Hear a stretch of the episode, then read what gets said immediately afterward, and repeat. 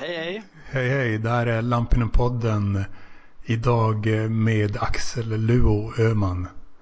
Visst. Så du är till exempel för detta admin av och extremt tidig medgrundare till Facebookgruppen Hatklubben. Det stämmer. Som jag har tagit över. Och så är du mulatt, typ va? Ja.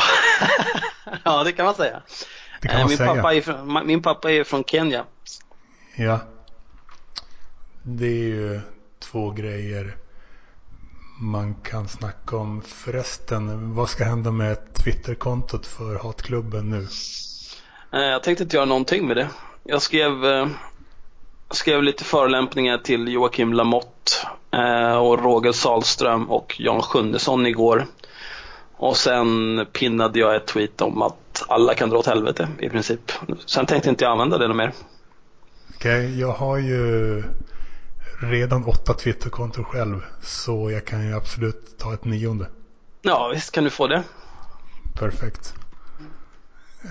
Du har också varit en, en analytiker av min så kallade icke-karriär.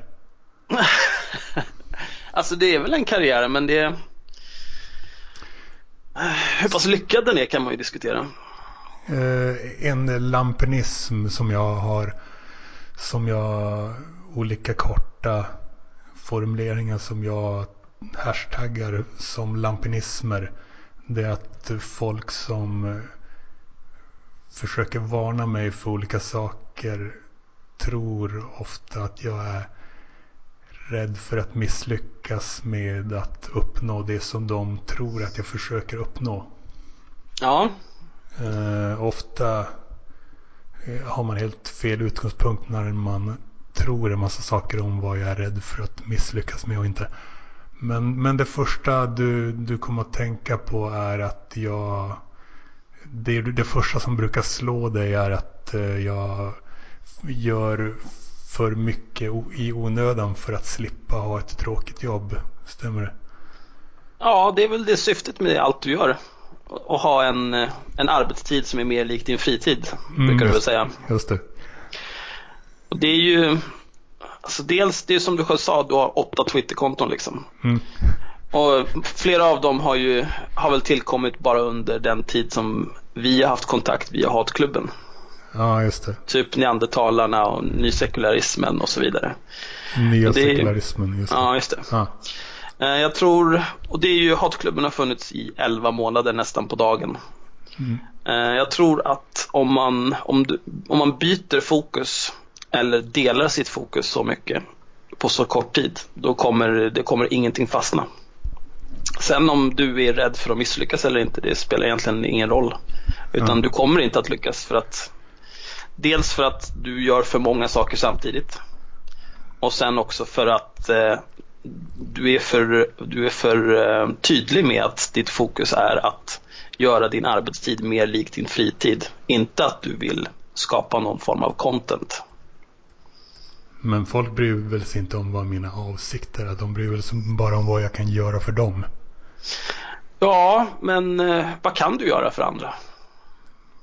Om du inleder liksom med eh, som till exempel podden Radarpar. Ja. Om den inleds med tre minuter tjat om Patreon. Då, då tappar man liksom intresset. Eh, Vi gör, jag tycker vi gör det på olika med olika kreativa formuleringar på i olika avsnitt och sådär. Och det, är Ja. en, det har blivit en grej att vi förföljer våra lyssnare. Ja, det har ju blivit lite av en gimmick kan man ju säga. Ja, men du tycker det är så stort problem för dig alltså? De här minuterna eller vad det är om det ens är minuter. Nej, det är inte ett problem. Det är en reflektion. Det är samma sak som att jag inte... Eh, om du lyckas eller misslyckas, det är lite grann som grus för mig. Mm. Det, är liksom, det, det får gå precis hur du vill, men Eh, jag, jag, jag har inget emot att delge dig mina reflektioner kring dina diverse projekt. Ja, man, eh, men man... folk brukar ha svårt att förstå hur jag tänker när det gäller att starta upp saker. Jag brukar se mig själv som en så kallad serieentreprenör fast med skillnaden att jag inte jagar pengar eller uppskattning. Vilket de brukar göra. Men jag, jag går igång på att starta upp saker som tidigare inte har funnits och liksom skapa digitala kommunikativa och visuella så kallade produkter på nätet som inte har funnits tidigare. Det är väldigt kul när man startar upp det och sen eh, när man har gjort det då fungerar de mest som en ingång till att prata om mig och gå in på mina andra projekt. Så folk blir intresserade av mig för att eh, de eh, har sett grejen neandertalarna till exempel och det finns en växelverkan och tvärtom. Och sen ligger de ju bara där, projekten. Det, det kostar ingenting att starta ett nytt Twitterkonto. Nej, det är sant. Så det är, folk riktigt inte förstått det där. De tror att jag liksom störs av att ha många olika grejer, trådar på gång samtidigt. Vilket jag inte riktigt gör. Utan de bara ligger där.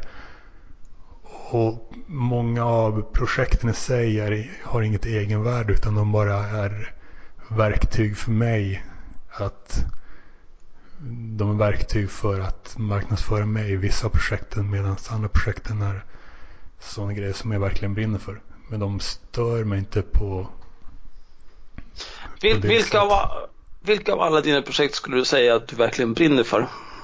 Twitterkontona som med användarnamnen Daniel Lampinen och Nya Sekularismen och DLVSPK. Sen eh, är det till exempel Stockholm Racist Pride som finns på Stockholm RP 2017 mer av en kul grej som inte hade funnits tidigare och som skapar lite som fungerar som ett marknadsföringsverktyg. Ja, det är ju typiskt clickbait. Ja, jag försöker inte det går inte att slutföra de här projekten utan de bara de bara finns. Jag skulle kunna prioritera bort mycket av det jag gör eh, om jag hittar något ännu bättre att göra. Men det är inte, det är inte att jag har så många, många olika projekt som är det största problemet. Utan det är främst för att folk inte gillar mig och så. Det är det största problemet.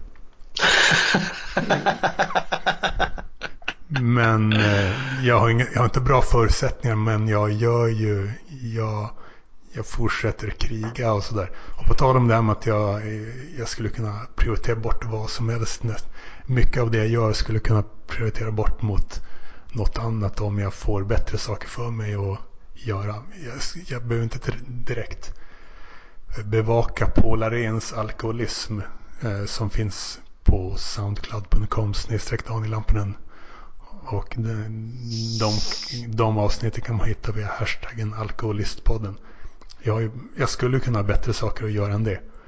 Men nu har jag kommit på det projekt, det konceptet som är en kul idé och så leder det till lite klick och sådär.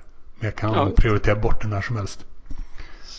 Men till skillnad från dig som eh, du sysslar med data och så här, du har en så efter, eftertraktad kunskap. Ja, Brukar, typ. inte, brukar inte flasha mycket med det? Lite, lite för mycket?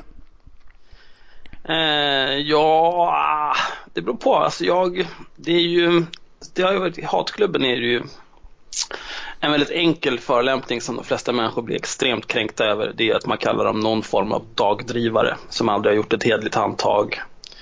Eller att de är outbildade och outbildade idioter. Och det är ett väldigt enkelt sätt att göra folk arga. Så därför har du nog sett mig använda det rätt ofta. Jag menar, det är inte mm. som att jag är någon form av jag har gått en, jag har gått en tvåårig yrkesutbildning liksom. Det var eftergymnasialt men det är liksom inte, jag är inte civilingenjör eller sånt där. Det är ju vem som helst kan gå en tvåårig yrkesutbildning om man inte är förståndshandikappad. Ja, men du, du, du har ju uppenbarligen en, en kapacitet och kunskap oavsett hur du har skaffat den. Jo, men det har alla som har ett jobb. Det har säkert du också. Nej, ingen jätte, ingen jätte eftertraktad. Jag gör något som alla kan göra som har ben typ. Men ingen, så här, inte särskilt eftertraktad. Men det är det som är grejen att du har, du har en hjärna som kan vara bra på något som folk vill betala för. Ja, så kan man väl säga. Mm. Men det är också, eller man kan också säga att jag har, jag har ett intresse för någonting som är eh, alltså IT. Den, den typen av IT jag sysslar med, det, det finns ju överallt i hela samhället. Så att det finns en väldigt stor efterfrågan efter folk som kan göra de relativt enkla saker som jag kan göra. Okay. Och det i kombination med att jag gillar den typen av IT gör att det är ganska enkelt för mig. Om jag till exempel om jag skulle säga upp mig eller få sparken på måndag så har jag ett nytt jobb nästa måndag. Mm. Vad ska du... Har du tappat lusten för det här med Facebook-gruppandet totalt eller? Ja, hatklubben är ju, du var ju med rätt tidigt. Du var väl med från början nästan va? Ja, första inlägget i hatklubben, hatklubben någonsin handlade om mig. Ja. Sen blev jag tillagd första dagen. Ja, precis. Det var ju, det är ju som det jag skrev, det sista inlägget jag skrev i hatklubben. Det var ju, eh, det tog väl kanske en månad där det var bra på riktigt. Eh, innan folk blev för bekväma. Eh, folk blev kompisar med varandra. Ja, jag rensar ut sådana som är för interna och socialiserande Ja, just nu. Men det, Ja. det, var inte så många som, det var inte så många som var kvar märkte jag när, jag- när jag kollade igenom medlemslistan. nej. jag kunde men- bara ta bort fyra stycken faktiskt. Som, som uppfyller de kriterierna, de negativa kriterierna. Ja, men det är också, det blir ju ett problem liksom för att eh, om man har en grupp som heter Hatklubben som handlar om att man ska hata på andra människor och så sitter folk och drar sina trista internskämt och eh, delar ut ryggdunkningar liksom. Det eskalerade ju under hela våren och blev en total katastrof när, eh, när de som uppenbarligen inte kunde, kunde bete sig och sköta sig enligt gruppens regler kunde börja köpa sig tillbaka. Det var ju då det, det verkligen gick åt helvete skulle jag säga. Och riktar du kritik mot den grundaren och betalningsmottagaren Tobias Törnblom där. Nej, inte alls egentligen. Eh, På sätt och vis så är det ju också att, att sparka ut folk och tvinga dem att betala för att komma tillbaka. Det är ju ändå också bra hat. För att tänk dig de människorna. Alltså, det, det är ju några, typ Daniel Vresig, eh, Viktor Reis, som har liksom fått betala i ett, varje månad ett halvår i sträck. För att de gång på gång är så jävla dumma i huvudet att de åker ut och så meningslösa människor. Och så swishar de liksom pengar för att få komma tillbaka in i en Facebookgrupp. Hur fan mår man som människa då? Det är ju... Du, du, du sponsrade ju ändå, du fick ju någonting för det på sätt och vis. Eh, Det är ju en annan sak, känner jag. Jo, jo. Eh, Men det är fascinerande hur mycket man kan tjäna på att bara vara en admin för en Facebookgrupp.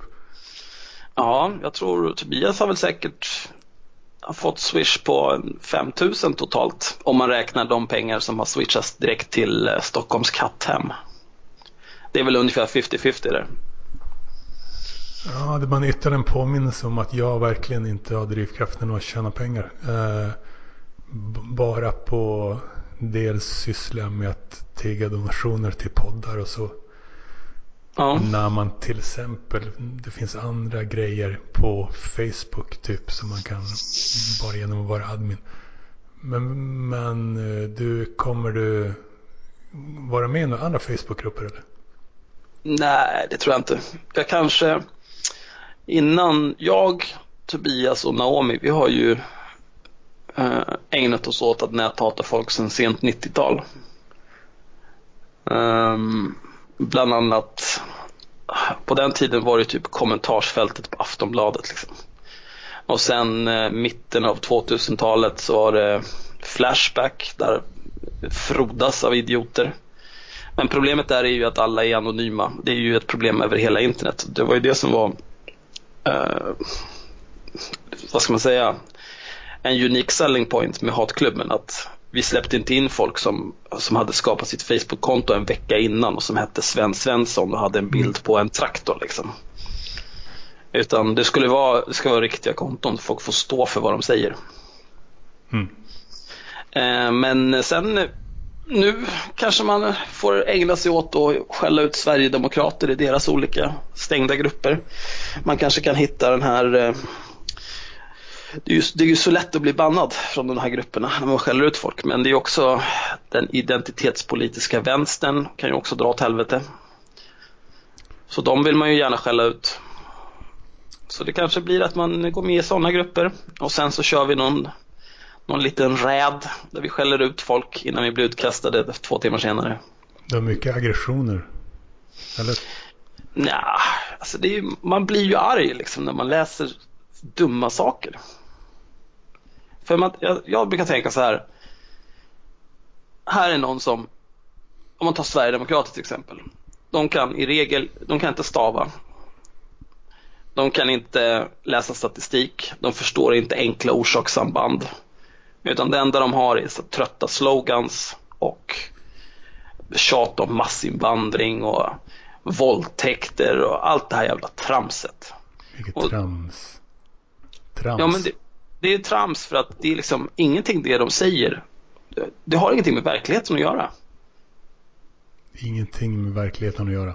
Nej, men till exempel de, de en populär bild de brukade dela var Eh, en, en jämförelse mellan invandringen från 2005 och våldtäkterna från 2005.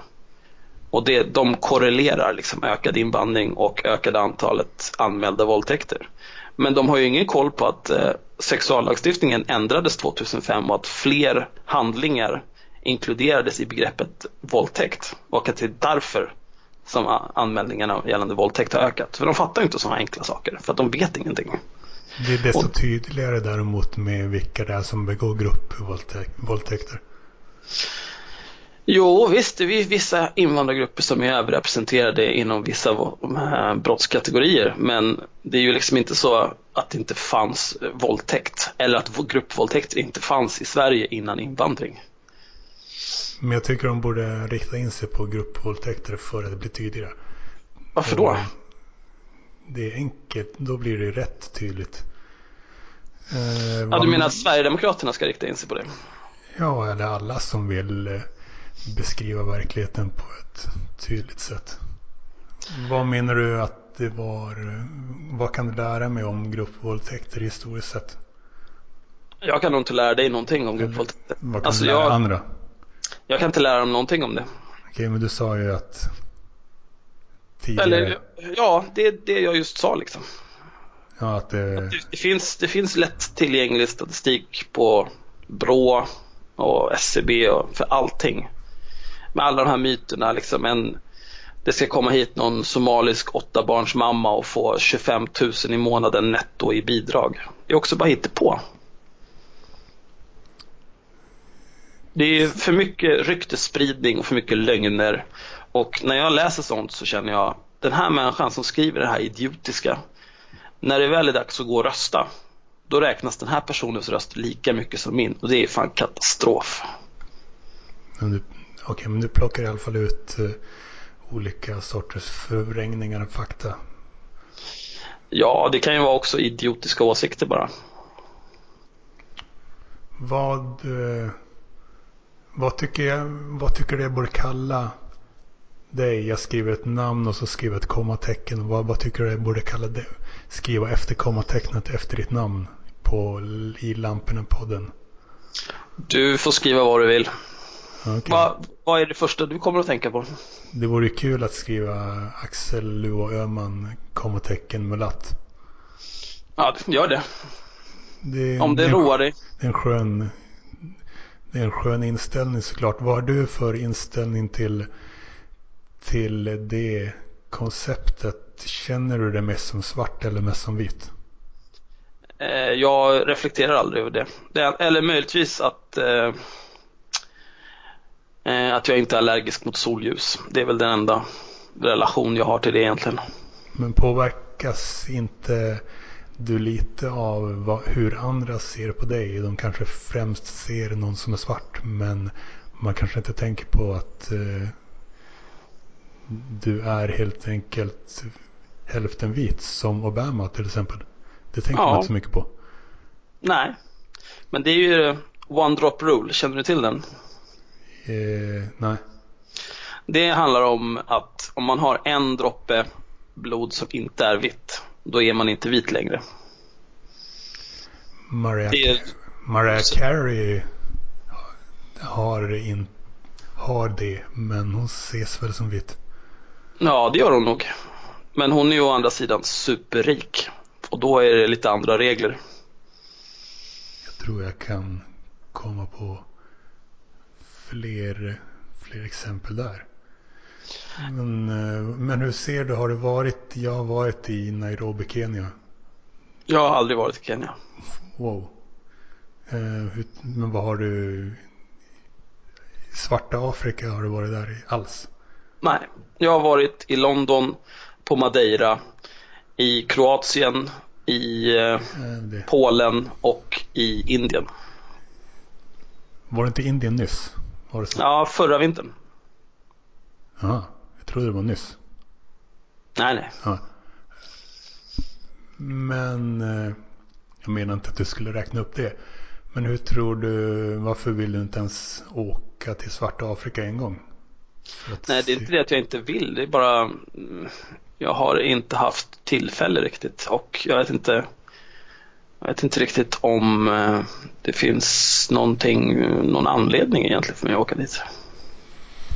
Ja, men, eh, men vad hade du för, du föredrar väl att bo bland folk eh, som liknar, som kommer från så att säga din, den vita halvan av dig. Stämmer inte det?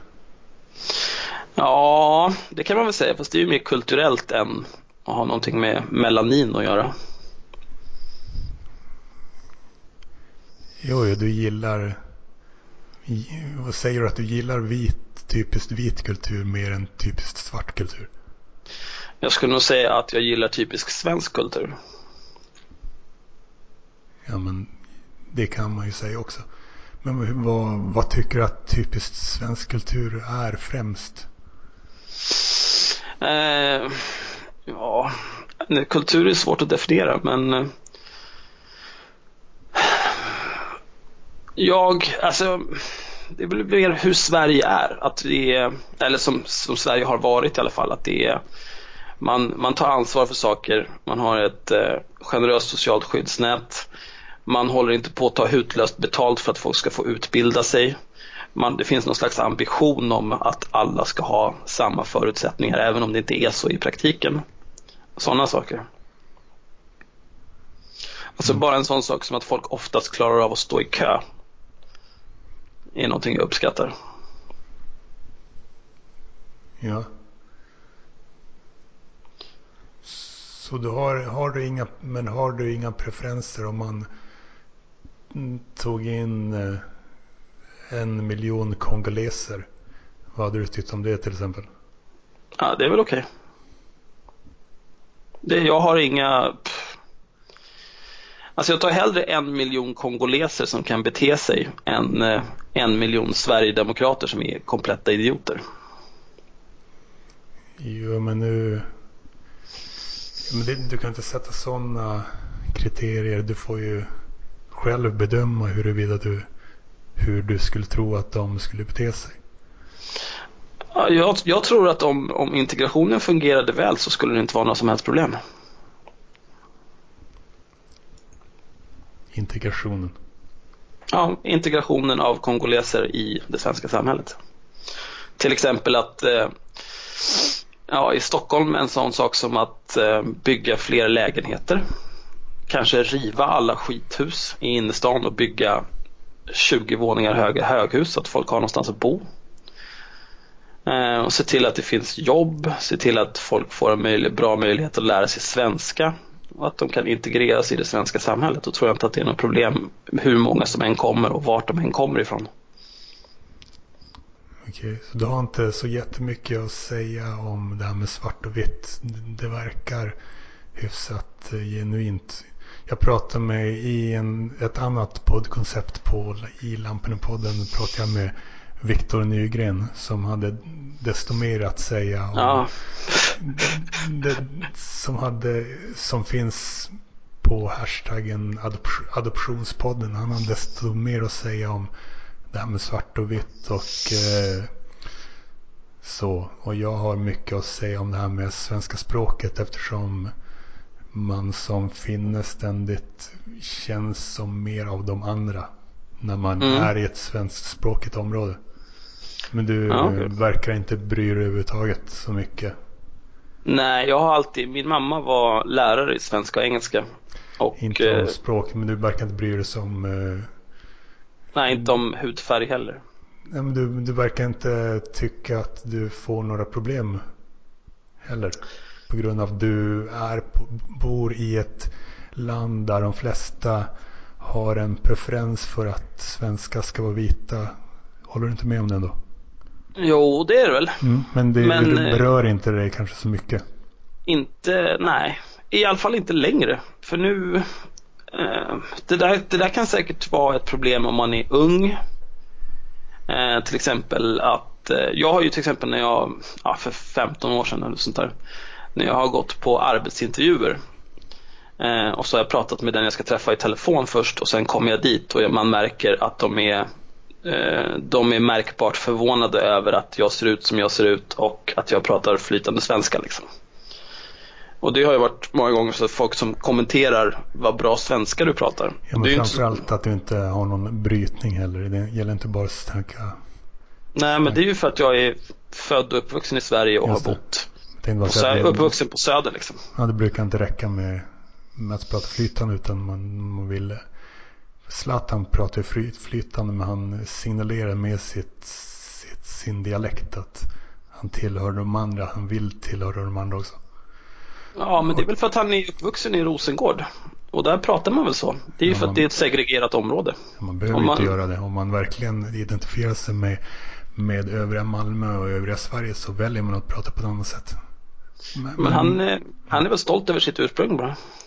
Och det är väl inget fel med det. Han har ju ändå lyckats rätt bra i livet och inte haft de bästa förutsättningarna. Ja, men och, då blir de alltså förvånade och besvikna Besvikna skulle jag inte säga, bara förvånade. Ja. Så du tycker inte att det här med att svenskar egentligen vill att folk i Sverige ska vara vita och heta något svenskt. Du heter något svenskt främst. Ja. Brukar du säga Axel Öhman eller Axel Luo Öhman? Jag säger, säger oftast Axel Öhman. Okej. Så då, då är du på den eh, rätta sidan så att säga när det gäller vad det gäller vad folk svenskar egentligen vill ha. När det gäller namn men inte när det gäller utseende men det tycker du inte hade varit något större problem för dig kanske? Nej, inte de senaste ja, tio åren. För det är, ingen, det är ingen som... Alltså dels jag är ju vuxen liksom, jag är nästan 40. Jag är 37. Eh, och eh, dessutom så... Jag är sällan i situationer där sånt där spelar roll. Jag jobbar heltid i en bransch där det krävs att man... Eh, det krävs att man klarar av att samarbeta med folk från, eh, från hela världen. Liksom. Konsulter från Indien och Kina och allt vad det är. Och att någon skulle ha någon slags ja, gå runt och bli förvånad över att folk ser annorlunda ut än vad de själva gör. Det skulle inte gå. Eh, och sen privat, om jag går på stan liksom. Det är samma sak där. Det är, det är inte som att folk springer fram och skriker neger hur som helst. Det, det händer ju inte överhuvudtaget och jag tror om någon skulle känna att de vill göra det så väljer de nog hellre någon som inte väger 110 kilo.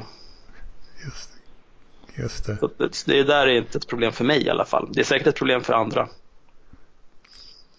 Och sen också om någon skulle, alltså jag, om någon kallar mig neger, det skiter jag fullständigt i. För jag, jag har riktiga problem liksom. Mm, du...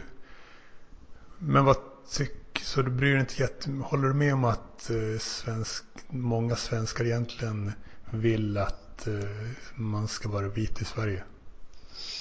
det, det, tror jag inte. Jag tror inte att det är ett problem för majoriteten av Sveriges befolkning. Okej, men de, vad tycker du om att eh, det finns många som tycker något annat än vad den, vad den majoritet som du hävdar att finns tycker? Ja, alltså de, jag tror inte de är så många. Det är ju, de som tycker det är väl i princip eh, Nordiska motståndsrörelsen och de är ett par hundra personer liksom. De, för dem är det ju viktigt med det här med att folk ska vara vita i Sverige och så vidare. Eh, sen så finns det ju någon slags eh, vardagsrasism eller strukturell rasism också. Men den, eh, den kan, jag tror inte den grundar sig i det här rasideologiska Sverige åt svenskarna och så vidare. Utan det är nog mer eh, kanske någon slags ängslighet och rädsla för det okända. Tror jag. Men om, om man tar något eh, när det gäller namnet där du heter, heter något svenskt. Du, du vill inte, du tycker inte det är lite något som är, du vill, tycker det är värt att bevara att man ska heta något svenskt i Sverige? Nej, alltså det, det, det är bara att titta på svenska namn eh, de senaste tusen åren. Titta på hur de har förändrats. Vilka namn som har varit populära. Bara mellan generationer så är det ju ett stort skifte i vilka namn barn döps till. Det är, som, det är till exempel inte supermånga som eh, barn nu som heter Gottfrid. Däremot finns det desto fler Frank. Ja, men det är båda, båda som har sin rot i det svenska språket. Ja, men eh, det, alltså, det förändras ju. Det går ju i vågor, eh, namnpopularitet. Jag personligen så tycker jag att vad folk heter är, äh, det, det känns ganska ointressant. Ja, ja. Det... det möjligtvis att det, det, det, enda problem jag kan se med det, det är om det är ett namn som man, du läser ett namn och du har ingen aning om hur du ska uttala det. Det kan bli en, en lite jobbig social situation. Men det är ju bara fråga, hej, eh, hur uttalar du ditt namn? så är det ju löst. Och i övrigt så ser jag inte hur namn inverkar på någonting egentligen. Men man känns lite som de andra. Ta till exempel, jag brukar ta det här exemplet. Alexander Rybak, du vet slagervinnaren. Mm. Han eh, bor i Norge och han har växt upp i Norge. Men han heter något ryskt och han ser rysk ut. Han, om du hade velat plocka ut ett typexempel på en norrman, hade du då egentligen velat plocka ut just honom eller hade du tagit någon typisk, mer typisk norrman? Uh, ja, jag hade väl nog tagit uh, jag skulle väl kunna vara honom för att det är ju ändå en norrman som jag vet vet om liksom att han finns. Okej, okay, men då måste han, vinna, han måste vinna liksom slager festivalen för att uh, bli sedd som en riktig norrman? Ja, för att bli sedd överhuvudtaget egentligen. Men också för att bli sedd som norrman, absolut. Men annars så skulle det bli han, vad heter han, skidåkaren, Nordhugg, Nordhugg, Nordhaug, någonting. Ja, han uh, heter ju något norskt och uh, ser norsk eller nordisk ut. Ja, men det men... sker ju, det sker ju, finns ju en liten skillnad i folks hjärnor och då kan man ju bara föreställa sig hur stor skillnaden är i folks hjärnor när det gäller folk som ser annorlunda ut. För att inte tala om om det även är så när det gäller namn. Ja, men det där är ju svårt. Alltså, man, ah, svårt och svårt. Alltså det är svårt om det där orsakar en mycket, att man är tvungen att tänka mycket på det. Liksom. Då har man ju ett problem. För det där kommer ju bara skada en själv. Men du kanske inte tänker så mycket på det för att du själv eh, Ja, för att du själv var dels var icke-vit och dels var du hälften hälften. Ja, det är möjligt. Nej, men det är också, jag tror att det är mer för att jag är, jag är ganska resultatinriktad. Jag, eh, så om, någon, om jag behöver att någon ska göra någonting eller någon säger att de ska göra någonting då bryr inte jag mig om hur de ser ut, om de sitter i rullstol, om de bor på månen eller vad de heter. Så, så länge de gör det de ska, då är jag nöjd. Ja. Ja, då... Och det, det tror jag att många människor skulle nog behöva anamma den synen på världen. För det spelar liksom ingen roll att du heter Lampinen. Ja. Det är skitsamma så länge du gör det du ska liksom. Men problem för mig är att jag, jag, jag håller på med, när det gäller det jag håller på med eftersom jag inte kan något och sådär. Så gäller det att folk måste vilja eh, associera sig med mig. Och då blir det problem om fånigheten i mitt namn och att det är ett icke-svenskt namn gör att de vill de tror att den fånigheten och det spiller över på dem själva. Jaha. Nej, jag, jag tycker inte att det är något fånigt med Lampinen. Okej. Okay. Det, det är ett namn som liksom. ett, Men det är på just det svenska språket eh, heter det ju som ett objekt. Som en möbel och då blir man, jag brukar säga att jag blir objektifierad. Mm. ja, men det är ju eh, det är ju, jag vet inte om du, du skulle säkert kunna på många arbetsplatser kunna få smeknamnet Lampan. Just det. Det skulle inte förvåna mig. Men... Och, och eftersom man blir eh, förlöjligad på det sättet så gör det att folk eh, drar sig med för att bli förknippade med mig. Och det är just det är extra negativt för mig eftersom jag satsar väldigt mycket på att de just ska vilja bli förknippade med mig. Fattar du? Ja. Och eftersom jag inte kan något och eftersom, eftersom jag inte har någon så eftertraktad kunskap. Men det, vad kan man göra åt det? Man får försöka göra något positivt av det också. Ja, absolut, men det kan ju vara ett tvegat svärd liksom. Samtidigt så är det ju, tänk om du hade hetat Daniel Svensson. Då mm. hade det inte varit, det hade inte varit samma igenkänningsfaktor. Men om någon säger Daniel Lampinen, då vet alla vem det är. Ja, det är ju det är en, det är en positiv sida. Så har du något mer? Nej, inte egentligen. Har du? Nej, men då, då publicerar det här som, som över, övergångsintervjun från den gamla administrationen till den nya.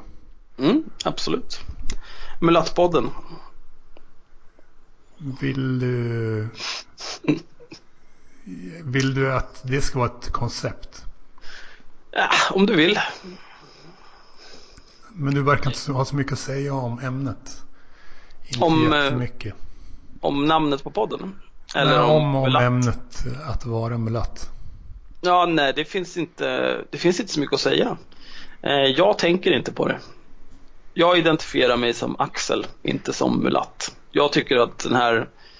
Eh, jag förstår att om man utsätts för eh, rasism, eh, sexism, funkofobi och så vidare. Om, man, om det händer en ofta, då förstår jag att man tänker mer på det. Men för mig personligen så är det inte ett problem längre. Ja, men vill du att eh, avsnittet ska vara del av konceptet och serien Mulattpodden eller ska det bara heta Axel Luman, Luo Öhman, kommatecken Mulatt? Jag överlåter det valet till dig. Jag är okay. övertygad om att du väljer det bästa. Ja, men då får jag fundera på det. Jaha. Tack för det här. Tack för Så idag. Så ses vi kanske på nätet någonstans. Det lär vi göra. Det lär vi hoppas. hoppas, vi är ju trots allt mycket nära vänner på Facebook så det är, det är nog omöjligt att missa varandra. Och jag ska se till att du inte missar mig i framtiden. Nej, lycka till. Tack för det. Tack, hej då. Hej. Idag har jag med mig Axel Luo Öhman från podden Haveristerna. Hej. Som eh, sitter i samma båt som Magister kan man lugnt säga. Att vi vill bli rika på att sitta och snacka skit på internet. Vet vi ens vad vi vill? Nej, nej egentligen inte. Vi gör ju haveristerna bara för att vi gillar att prata med varandra om alla människor i världen som är dumma och har sagt dumma saker. Eh, och det är ju i alla fall några stycken som gillar att lyssna på när vi pratar om det. Och kan man få pengar av dem så är ju det bra. Tillsammans med eh, Myra Åbäck Öreman och eh, Henrik Johansson från Intrasistmän ja. gör du podden. Du jobbar med data enligt egen utsago. Det stämmer. Jag jobbar Trots- med intern support. Trots det så är du inte riktigt nöjd utan du kan inte låta bli som sagt att avreagera dig på allt dumt du ser i det offentliga samtalet. Och det gör du i podden Haveristerna till exempel genom att ofta uttrycka det typ det är så jävla efterblivet eh, att de här Ja, jo, det, personerna gör det här och det här och eh, det är arbetsläger och de borde malas ner. Det är en standardfras typ. ja, jag tycker att det är, det är väl lite grann ens plikt som tänkande människa att eh, ondgöra sig över allting som är dumt. Sen vad man tycker är dumt, det spelar egentligen inte så jävla stor roll. Men så länge man i alla fall är någon, någon form av engagerad i vad som händer omkring en. Född 79. Det Du, stämmer. Stockholm. Född och uppvuxen på Södermalm i Stockholm. Eh, vänster kallar du dig. Ja. Jo, jo, det får man väl säga. Jag får gå med på det. Men inte, jag är alla partipolitiskt obunden för att ja, jag- tycker att alla politiska alternativ vi har idag är bedrövliga. Du hejar på arbetarklassen. Ja, absolut.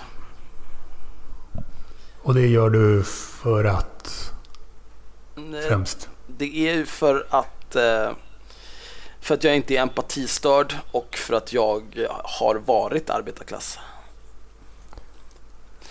Det är liksom... Inte empatistörd. Nej, men jag, jag tycker att det är... Tittar man på till exempel alla som jobbar i någon form av vårdyrken och tjänar nästan inga pengar alls för att utföra ett hårt arbete eller de som är anställda på multinationella koncerner som drar in miljarders miljarder och skatteplanerar bort allting. Medan de anställda inte tjänar särskilt bra och är lätt utbytbara. Deras arbetsgivare försöker försvaga LAS. Och eh, ja, med allt det i åtanke så hejar jag hellre på arbetarklassen än på arbetsgivarna och kapitalet. Du sa att folk som har väldigt lite pengar, de du snackar om, svensk arbetarklass, har väldigt mycket pengar jämfört med folk i Indien som du nyligen besökte. Ja, jo absolut. Det går ju att ha det mycket, mycket sämre än att eh, vara arbetarklass i ett av världens eh, mest välutvecklade och rikaste länder. Skulle du kalla dig själv för ett personligt varumärke? Eh, nej, det tror jag inte att jag skulle göra. Eller det skulle jag inte göra och jag tror inte att det är särskilt många som skulle göra det om mig heller. Du, Det här är allting jag gör som inte är... Det, det är mer en, det här, allt jag gör är mer av en hobby än någon form av eh, projekt för att bli någon mediaprofil eller någon ambition att bli en proffstyckare i SVT Opinion. poddprofil är du ju eh, redan nu kan man säga. Du startade trots allt den här podden, Jo, Haveristerna. Jo, men det är ju inte, alltså vi har, jag tror per avsnitt så har vi kanske tusen lyssningar under en period på 30 dagar per avsnitt. Så att det är ju liksom inte, Ja, men eh, utfall säger inget om ambitionsnivån. nej men det, jag, jag lång mer på det här, mer huruvida vi, jag eller vi är profiler liksom. Det är ju väldigt snävt ämne vi gör. Vi, det enda vi gör egentligen är ju i princip att gnälla över folk som har skrivit någonting dumt på Facebook eller Twitter eller någon som har skrivit någon skitkorkad artikel. Du har till exempel haft en profilbild på Facebook eh, där det, det visar upp en knuten näve. Jaha. Det kommer, måste du komma ihåg. Det var ju nyligt. Eh, nej, men jag ska titta här. Vad, vad tänkte du med det? Det är väl ett sätt att profilera dig som eh, tyckaren som eh, gärna pratar om våld. Uh, jaha, du tänker så. Ja, alltså det där kommer sig mer av... eh, det är mer en reaktion än något annat. För det, alltså internet har ju alltid svämmat över av folk som eh, är jävligt häftiga. Ja, Som ska, de tycker att man ska passa sig och de ska leta upp en och hej och hå. Så då för att, för att slippa, jag tycker att det är så otroligt tråkigt att läsa och höra sånt.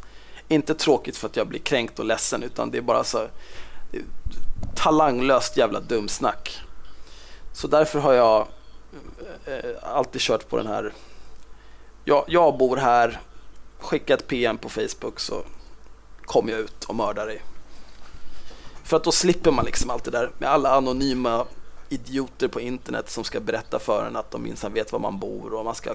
Ja, jag, har, jag har inget tålamod med det där. men, men det var det du ville signalera med den där knuten näve-bilden? Uh, Nja, om det tänker du, är den tecknad den du tänker på? Ja, just det. Ja, okej. Det är ju Arthur från någon serie som jag förträngt vad den heter. Det är bara en meme. Ja. Det, det är mer för att förmedla att man knyter näven i fickan. just det. Men däremot så har jag ju en Så profil. det är motsatsen till våld menar du då? Ja, just den bilden är nog eh, motsatsen. Däremot så har jag ju Okej. en där jag sitter invirad i mina plädar med mina två stridshammare. Med bildtexten Kom till Gullmars, jag har gästplädar och bjuder på kaffe. Den kan Mm. väl mer, den är nog symboliserar nog bättre det du tänker på. Tror du att om eh, sociala medier funnits för, på det här sättet för 15-20 år sedan, tror du att du redan då hade tidigare blivit en eh, någon slags profil? Nej, det tror jag inte. Eh, Eller, jag vet inte. Ja, kanske. Jag, vet, jag, jag, kanske. jag var nog gladare och hade bättre saker för mig för 15-10 år sedan. Nu blir du så irriterad på, på så många. Ja, men nu är jag ju liksom jag, är ju 30, jag fyller 38 om två veckor. Liksom. Jag har ju blivit en, jag är en medelålders surgubbe nu. För, när jag var, när, för 15 år sedan då var jag ju livsglad. Liksom. Hade hela livet framför mig. Ändlösa möjligheter. Men nu, Vad var det för möjligheter? Trodde du? Eh, alltså vad som helst. Hade olika planer. Skulle resa världen runt och göra olika saker. Starta olika företag och bli triljardär. Eh, uppfinna botemedel mot cancer. Allt var möjligt. Men eh, samtidigt så har jag... Mitt största problem i livet har alltid varit att jag helt saknar ambition. Det tror man ju ofta när man är ung. Ja, fast det... Ja, jag vet inte. Jag, jag, jag, hade, jag har precis haft fyra veckors semester. Jag har inte gjort någonting. Jag har varit hemma, jag har spelat datorspel, jag har läst böcker. Eh, och jag har näthatat folk på Twitter eftersom jag har varit postblockad på Facebook. Och det var Varför helt blir det fantastiskt. det den här gången? Eh, jag skrev...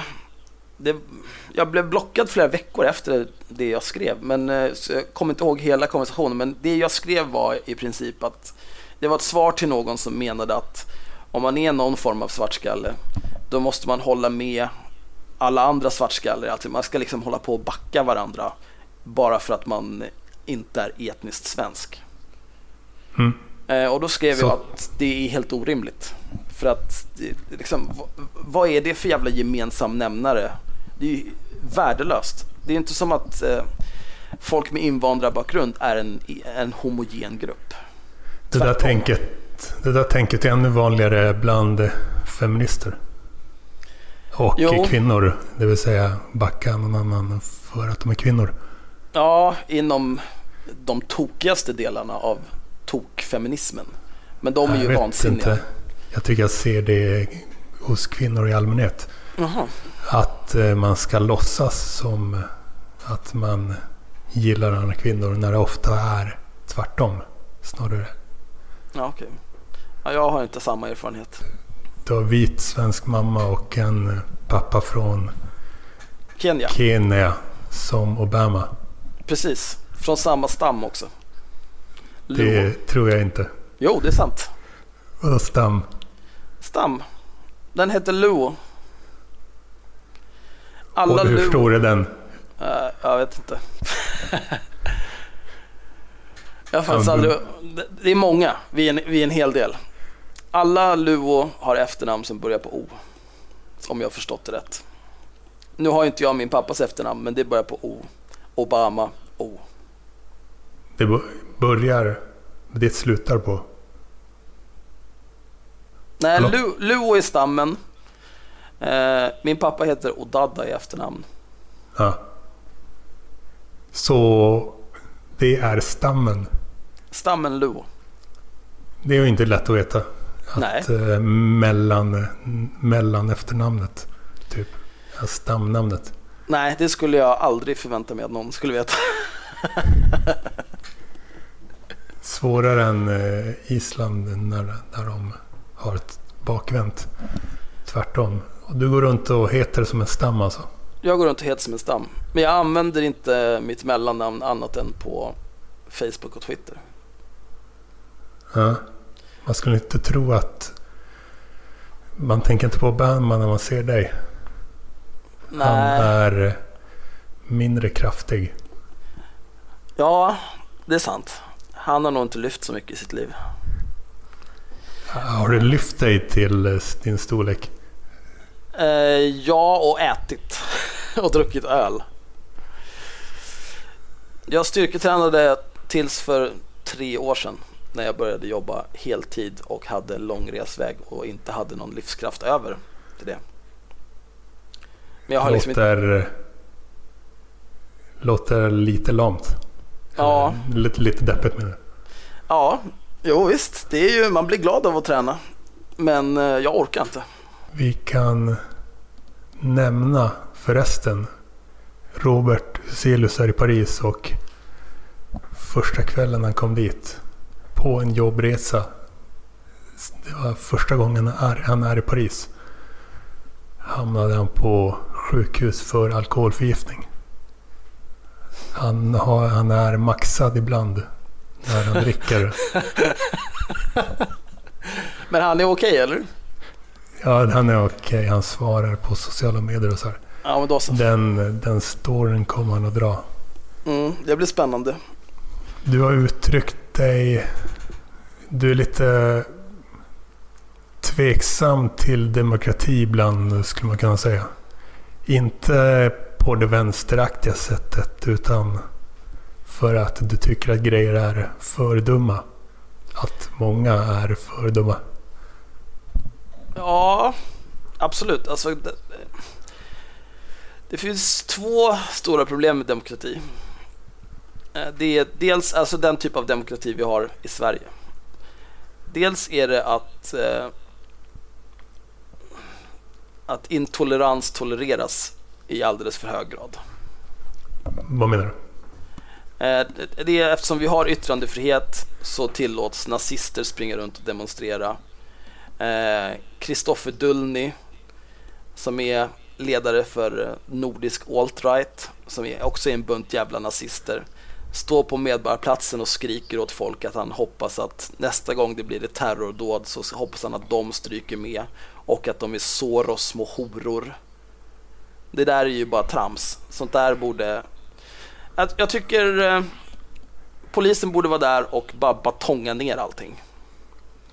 Men eh, nu snackar du om yttrandefrihet. Inte riktigt samma sak som demokrati. Ja, det är, yttrandefrihet Men... är ju en väldigt stor del av demokratin och yttrandefrihet är ju någonting som också alla tjatar om hela tiden. För att de inte förstår vad det är för någonting. Men man kan ju eh, låta folk säga vad de vill men samtidigt inte låta folk rösta. Ja, det är ju, det är ju en kompromiss. Men problemet är mer att jag, jag kan gå med på att folk får säga vad de vill men de får ju också ta konsekvenserna av det. Då. Folk tror numera att yttrandefrihet det är rätten att få säga vad man vill och stå oemotsagd. Det är inte vad yttrandefrihet är. Ja, säkert vissa som, som verkar tro det. Ja. Men det andra stora problemet är om, om du ska ha demokrati och alla får vara med. Då måste folk också klara av grundläggande saker som att ja, hålla sig uppdaterade om vad som händer omkring dem. Måste klara av grundläggande källkritik. Man kan inte bara läsa någon jävla status på Facebook där det står om eh, 800 våldtäkter på fem minuter vid ett flyktingboende. och tro att det är sant. Liksom. Måste tänka. Och läser man någonting som låter helt osannolikt, då kanske man ska ta reda på vad, vad är primärkällan till det här, utan finns det någon mer som har rapporterat om samma sak? Man kanske inte ska ge sig ut på sociala medier och börja yra om att det är, ja, det är för jävligt det här, kulturmarxister, invandring. Äh. Ta det lugnt, tänk efter, gör lite research. Stämmer det här? För klarar man inte av det, då borde man inte få rösta. För om, om man inte ens klarar av att faktakolla någonting som skrivs på Facebook, hur fan ska du då kunna fatta ett relevant beslut i valet? Du kommer rösta kan... på någonting idiotiskt och så kommer du förstöra för alla andra. Kan man säga att du står upp för diktatur då? Eh, jag står upp för eh, en, eh, en allmänbildad, kunnig och källkritisk väljarbas. Sen förstår jag att folk inte har tid liksom att, att sätta sig in i varenda jävla detalj om allting. Men just när det kommer till vem ska styra landet och hur ska det styras? Det är rätt viktiga grejer liksom. Mm. Jag säger inte att jag säger emot dig, men varför just allmänbildning? Räcker inte med källkritik och en nivå av ärlighet? Ja, det skulle också gå bra. Men eh, jag tycker allmänbildning är överlag ganska viktigt. Eller det har ju blivit mindre viktigt nu när du bara kan när alla har en mobil i fickan och kan ta reda på vad som helst när som helst. Det var väl viktigare för 30 år sedan en eh, inledningsfrågan i gruppens, gruppen Maktspel ställde jag och formulerade så här. Vad eh, föredrar du just nu när det gäller vad vi ska ha på lång sikt? Demokrati i ett Sverige, diktatur i ett Sverige eller det tredje alternativet flera Sverigen. Det vill säga att likasinnade Eh, skapa sina egna samhällen i Sverige. Hur tänker du kring det? Eh, jag tycker vi ska ha demokrati i Sverige. I ett Sverige? I Sverige. I, det finns bara ett, ett Sverige. Det blir inga, inga jävla utbrytarstater. Det kommer inte på fråga. Vadå då? Snarare ska vi väl ta tillbaka Norge och Finland. Och krossa dansken. Nu vet jag inte hur pass seriöst det är. Nah, lagom.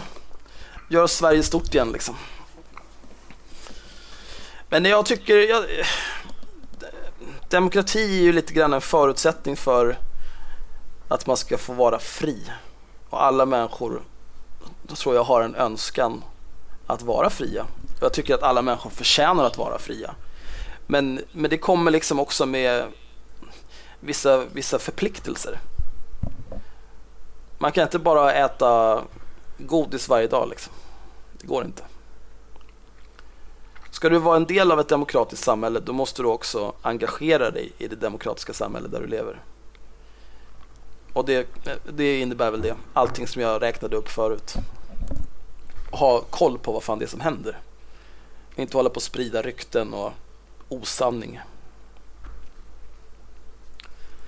Det Men, alltså. Ja, men eh, egentligen det, det, det, galaktiska imperiet sen kommer ju vara en typ av diktatur. Vi vet inte vad det är för något. Det är när vi har enats som art och kontrollerar vårt solsystem och börjar kolonisera galaxen.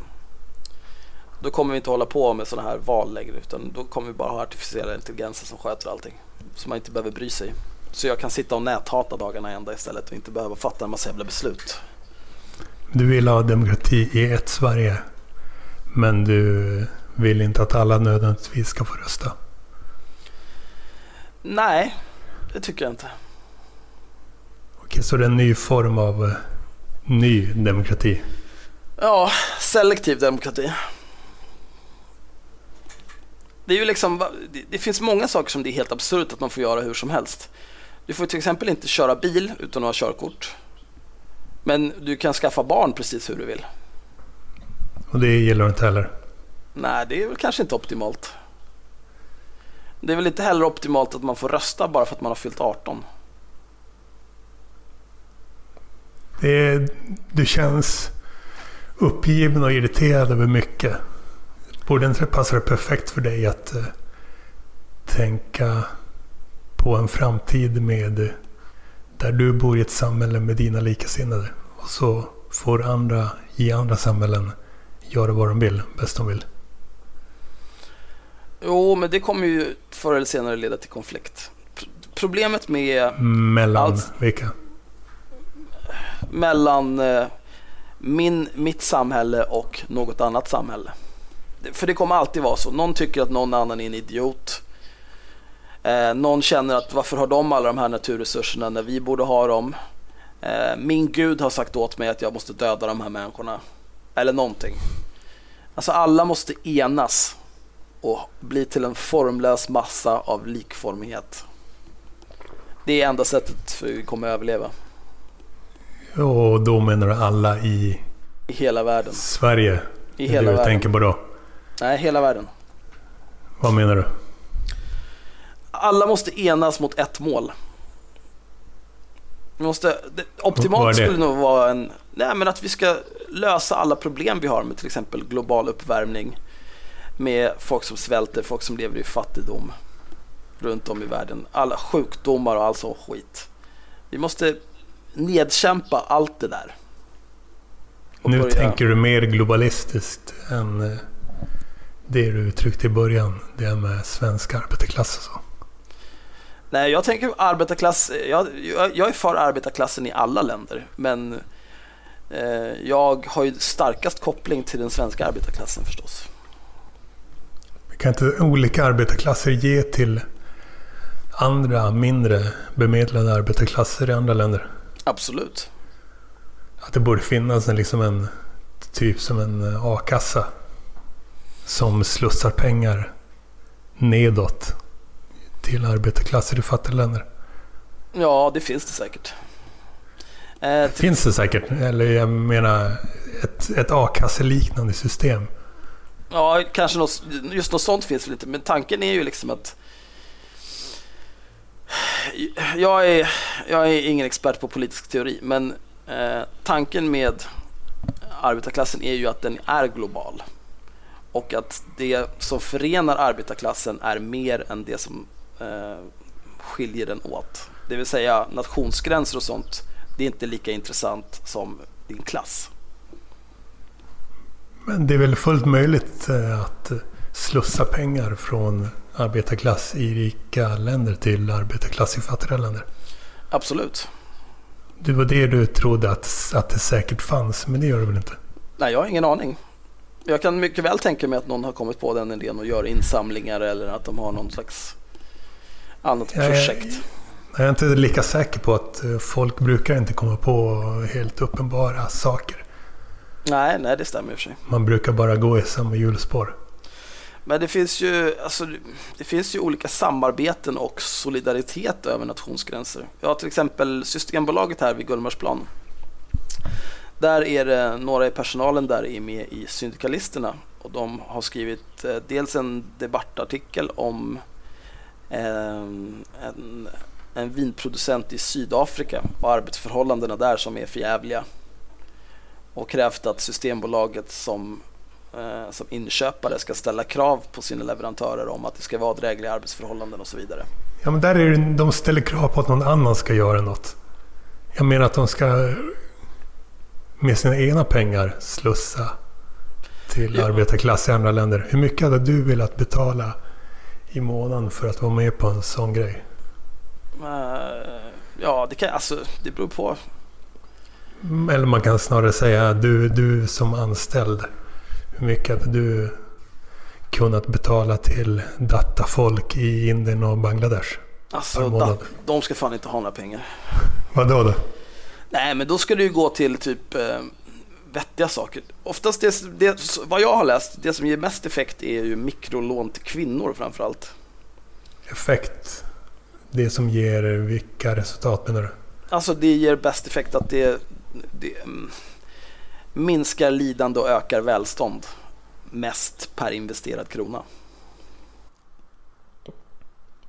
Man, Dina man ger, pengar?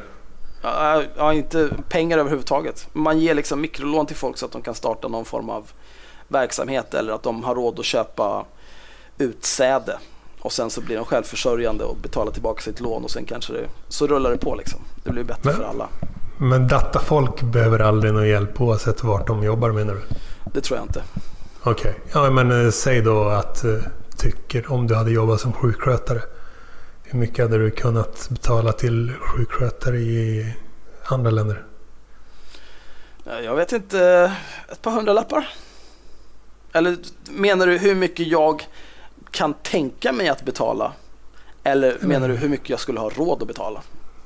Nej, mycket du hade, vad du tror, hur du tror att du hade gjort om det fanns ett sånt system.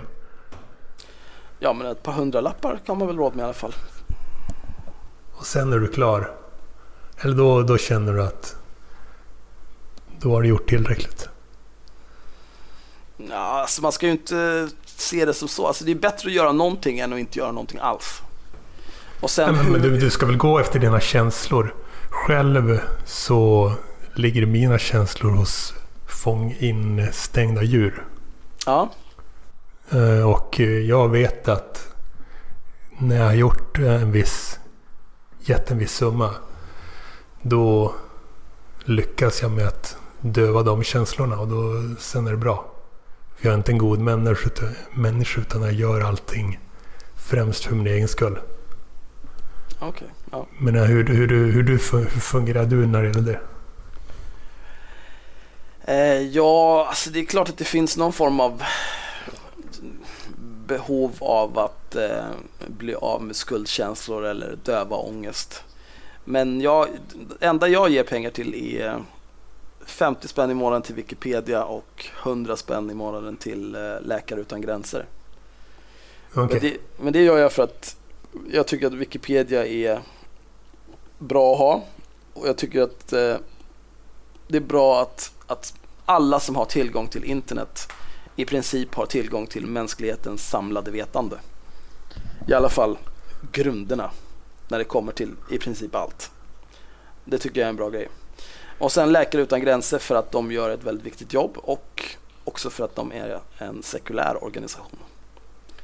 Jag skulle kunna ge till Röda Korset men de är ju kristna liksom. Det vill jag inte ha med att göra. Ja, är det det de menar med kors? Mm. Okej, det visste jag inte. Eh, Eller det är ju en kristen organisation från början. De går väl inte runt och trycker upp biblar i röven på folk liksom, innan de botar dem. Men jag, av, jag avskyr organiserad religion och allting som kommer av det. Avskyr. Ja, verkligen avskyr.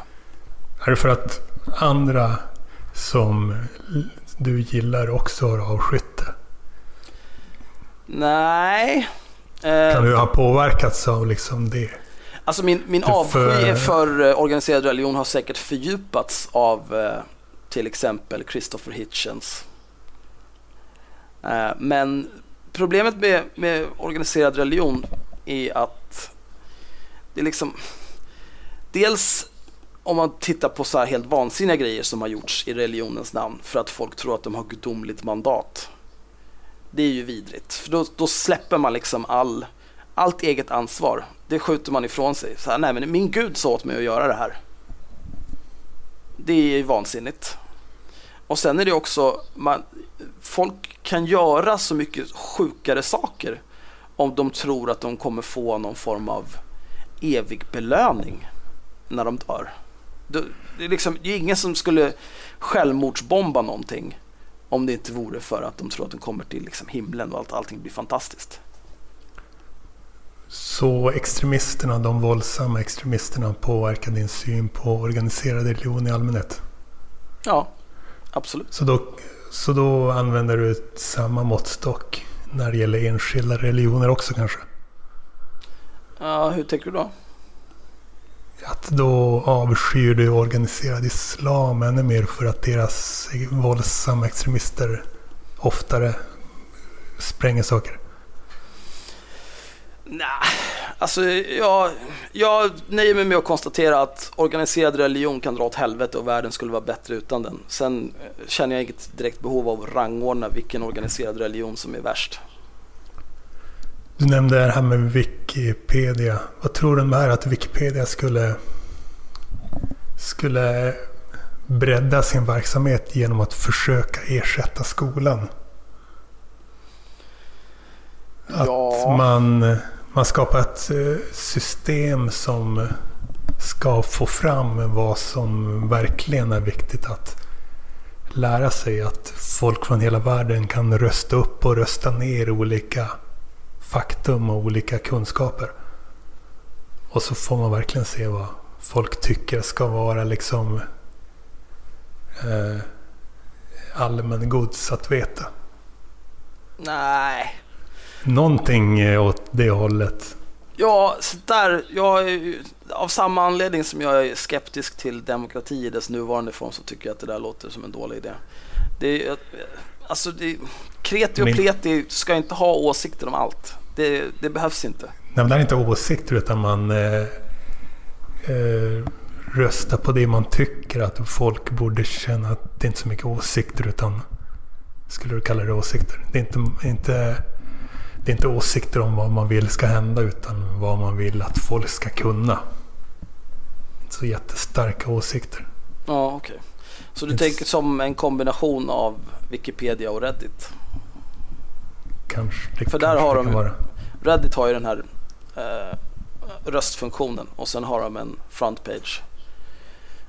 Och den som får flest röster hamnar högst upp och syns mest. Ja, det handlar också om att folk kan formulera sig på olika sätt och på olika pedagogiska sätt. Mm. Ja, inte bara röstandet. Men jag tror i framtiden så, jag är ju jag är mycket för automatisering. I framtiden så kommer det vara robotar som sköter det där. Det är ju redan idag så Sköter finns vad? det ju som sköter utbildning. Okej. Redan idag finns det ju massor med mobilappar och sånt där som lär barn att läsa och räkna och så här ser det här djuret ut, det låter så här och så vidare. Och det där kommer bara eskalera och det är bra. Ja. Men du, du låter...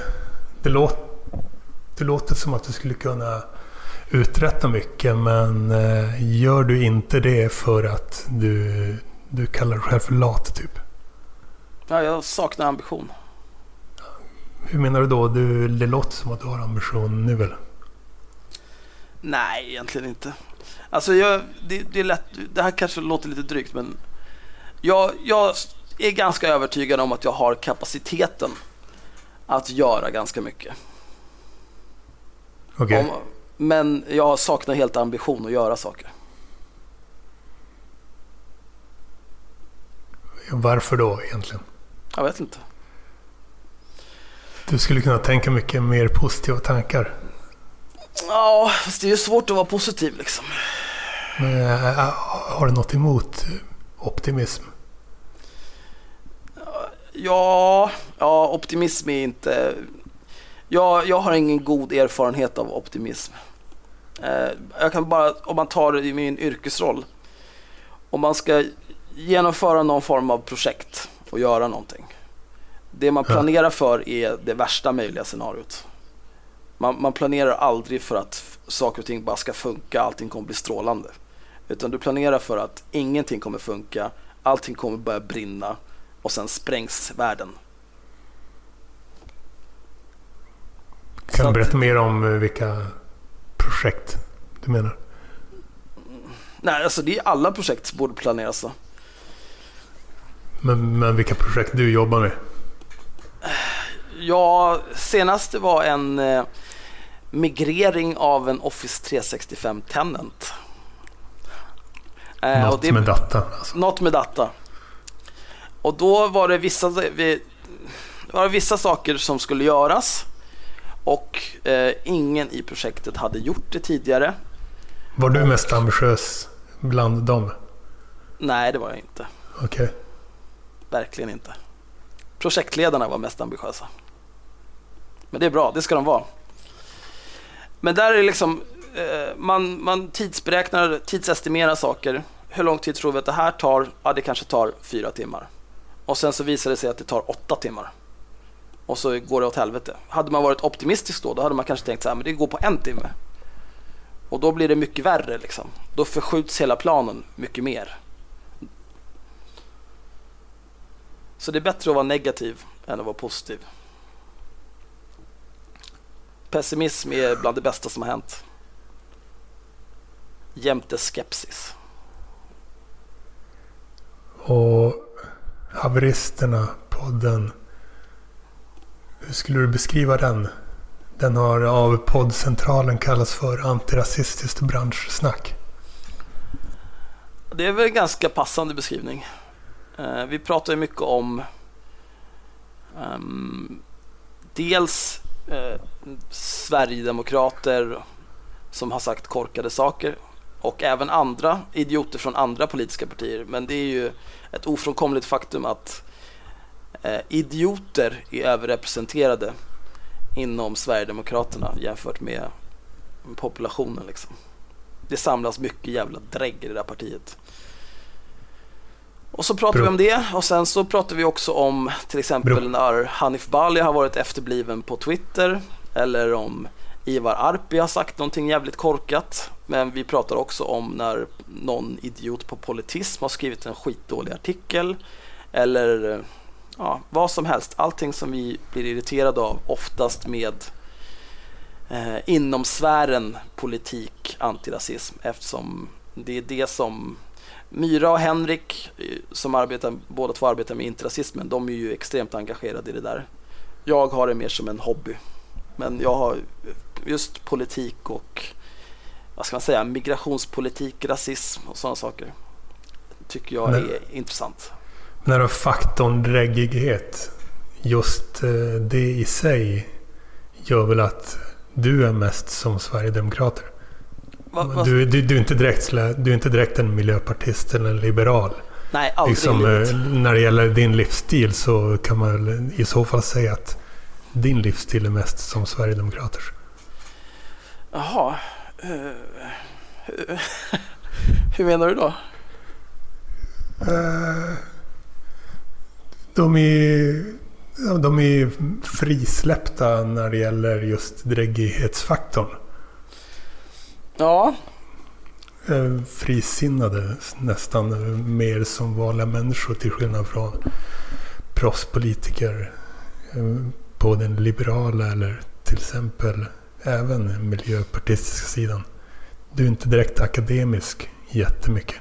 Nej, Nej det har jag slutat med. Jag brukar mer, jag har en reaktiv diskussionsstil. Eh, det, men det, det, är säkert kopplat till det här med den bristande ambitionen. Jag kan, om någon har skrivit någonting långt åt korkat, mm. då kan jag skriva någonting för att berätta för den personen varför det här är korkat. Men vad menar du med dräggighet egentligen? White trashighet kanske? Nej, men mer bara ett dräggigt beteende. Som till exempel... Men, eh, men du är ju du är sån som uh, skriker i en podd att folk ska malas ner till jord. Det är väl, kan inte det kallas för dräggigt då? Ja, det kan man kanske göra. Det är inte, jag skulle inte se det som dräggigt. Utan, eh, men vad kan du precisera då? Intressant ja, men, att höra hur faktiskt. Jo, men det, alltså drägghet, det är mer... Eh, det finns en sverigedemokratisk politiker, jag vet inte om han är kvar i och för sig, men han hade någon form av, han drev någon kampanj och hade en sida där han eh, eh publicerade namn och bild och övriga personuppgifter på invandrare som hade dömts för olika brott. Och han var särskilt intresserad av eh, sex, sexualbrott då, såklart, som alla sverigedemokrater är besatta av. Och sen så visade det sig att han själv var dömd för eh, kvinnofridskränkning, tror jag det var. Då hade han, han hade eh, haft någon form av dispyt med någon kvinna, tagit tag i hennes bakhuvud och dunkat hennes huvud in i en vägg. Och sen så liksom ska han sitta och grina över att andra begår brott. Det är jag det du kallar för dräggighet? Det tycker jag är dräggigt. Det är så jävla osmakligt alltså. Ingen som helst självinsikt, ingen självkritik överhuvudtaget. Men själv glorifierar typ våld väl Men inte mot kvinnor bara. Så du kör med kåkfarare? Nej, jag är mer... Eh, alltså, glorifiera våld. Jag, jag tycker att eh, vissa människor förstår bara en sak. Det är som, eh, för att återkoppla till eh, nazisterna som vi pratade om tidigare. De demonstrerade på Medborgarplatsen för några månader sedan och då bestämde de sig för av outgrundlig anledning för att de skulle storma polisen. Så då var, de har ju sina sköldbärare, de där jävla töntarna. Så då ställde de sig på led och sen så liksom gick de och skulle knuffas mot polisen. Och då fick de ju smaka så in i helvete med batong. Och det tycker jag det det är helt rimligt. Det måste, man måste sätta stopp. Någonstans måste man säga så här, nej, nu är det för dumt. Nu blir det stryk. För att äh, du, kroppen minns. Det är så det är. Ja. Om, om någon säger till dig, ät inte kakor före maten. Då kommer du skita i det. Men om du får en smäll varje gång du äter kakor före maten, då kommer du sluta äta kakor före maten. Eh, Just den här eh, stå upp för den slaka flaggstången, det var väl mer... Det är kul att göra stå upp för grupper liksom. Men det började, Mm. alltså det går ju i vågor det där. Det var väl, det började väl, den som blev riktigt stor första var väl eh, eh, kan den här lyktstolpen få fler likes än typ Gudrun Schyman? Mm. Och så fanns det en miljard sådana grupper. Ja. Och sen var det alla vi som-grupper. Ja. Och nu på, just nu så är det ju stå upp för någonting som är den stora grejen. Och det är ju roligt. Det, är- det är framförallt kul med eh, Alltså när man står upp för så här helt meningslösa saker och, och se liksom de här människorna som är, är med i de här grupperna. Det finns ju det finns en som heter Stå upp för Katarina Janouch. Den är kul. En fellow magistergäst till dig. Ja just det, ni åkte bil. Ja, vi stod mest stilla i en bil. Jaha okej. Ja, Jag tänkte Men att det var väldigt dörrarna- tyst för en... Med, med dörrarna öppna var jag stekat. Fan. Eh, igår träffades vi på Sergels torg. Nu är jag hemma. Eh, på mitt berg på Östersjön. Ja. Vid flaggstången träffades vi där. Du verkar, du verkar vara mycket inne på nationalromantik. Skulle jag säga. ja, jo det är sant. Jag är... Men jag gillar Sverige liksom. Jag tycker det är bra. För vill du betona eh, medborgarskapet av någon speciell anledning? Nej, det är väl mer att eh, jag är glad och lite stolt över att leva i ett av världens bästa länder. Och det, alltså saker som man kan vara stolt över med Sverige, det är eh, Ett av Att- världens bästa länder, hur menar du då egentligen? ja, det är ett av världens bästa länder. Alltså, vi på, på har- vilket område? När det kommer till arbetsrätt, när det kommer till eh, eh, sjukersättningar, när det kommer till föräldraledighet, när det kommer till infrastruktur, när det kommer till utbildningsmöjligheter. Eh, det finns mycket som är mycket, mycket bra med Sverige. Sen Sånt så, som, eh, sånt som man betalar för här, kan man säga. absolut, Sånt som man öser pengar över. absolut. Det är mest det menar du? Ja, alltså allting kostar ju såklart, men eh, det, det är Det ju är klart bättre. att det blir bra om man öser mycket pengar över. Ja, jo, det är sant. Men då är det ju bättre att Men- ösa mycket pengar över något än att låta bli. Men det kanske, det kanske, de pengarna kanske inte ens används effektivt heller. Nej, gud nej. Det är, det är klart, det, hela statsapparaten går ju att slimma och effektivisera säkert hur Men det mycket som gör helst. man väl inte i, i... Sånt sker väl inte liksom i en statsapparat? Det är motsägelse. Nej, det gör det ju inte. Men, men det, är, ju- och det är ju ett av problemen. Det är ju alltså, ä- även, om, även om Sverige är ett av världens bästa länder så det är klart att det finns ju mycket som är dåligt. Det finns mycket som kan göras mycket, mycket bättre. Men då kan man säga att Sverige är ett av världens bästa länder bara genom att nämna liksom sådana hårda siffror. Är det inte snarare så att man söker efter anledning till att man vill säga att Sverige är ett av världens bästa länder? Nej. Alltså det är, det är inte viktigt för mig att Sverige är ett av världens bästa länder liksom så. Att, att jag lägger någon slags personlig prestige i det. Men eh, jag anser det vara belagt att Sverige är ett av världens bästa länder. Att leva i och att verka i. Kanske inte, det är säkert hemskt om man är några stackars småföretagare. De grinar ju ögonen ur sig. De måste jobba 30 timmar om dagen och allting är så jävla jobbigt. Men jag menar, ta en anställning då eller flytta. Jag vet inte. Inte lite respektlös inställning gentemot folket vars pengar du vill ha för att sen ge vidare till de du tycker förtjänar de pengarna? Nej, alltså jag betalar ju också skatt. Ja, ja, men det är väl ingen ursäkt. Eller det är väl ingen liksom förklaring på det. Ja, men alltså, jag, man, jag, jag tycker man ska inte... Man ska, jo, man kan se det som så här, man vill ta pengar från någon och ge till någon annan. Men jag ser det hellre som så här, jag är frisk och jag kan jobba. Så då jobbar jag och jag har absolut ingenting emot att betala skatt för att någon som inte kan jobba av egal anledning ska få ersättning under den tiden. Sen om den personen är eh, sjuk eller om den personen håller på och studerar och behöver mina pengar för att eh, skolan ska finnas och för att eh, få studiemedel. Eller om den personen bara är arbetslös och behöver något. Jag, jag bryr mig inte. Jag har inget emot att betala för att den grundläggande tryggheten ska finnas och för att de möjligheterna ska finnas. Och sen s- om någon annan inte vill betala, nej det är tråkigt men dra då. Det är bara att flytta till något land där det, där det inte finns någon skatt. Se hur kul det är. Monaco till exempel. Ja, visst. Det är bara att dra.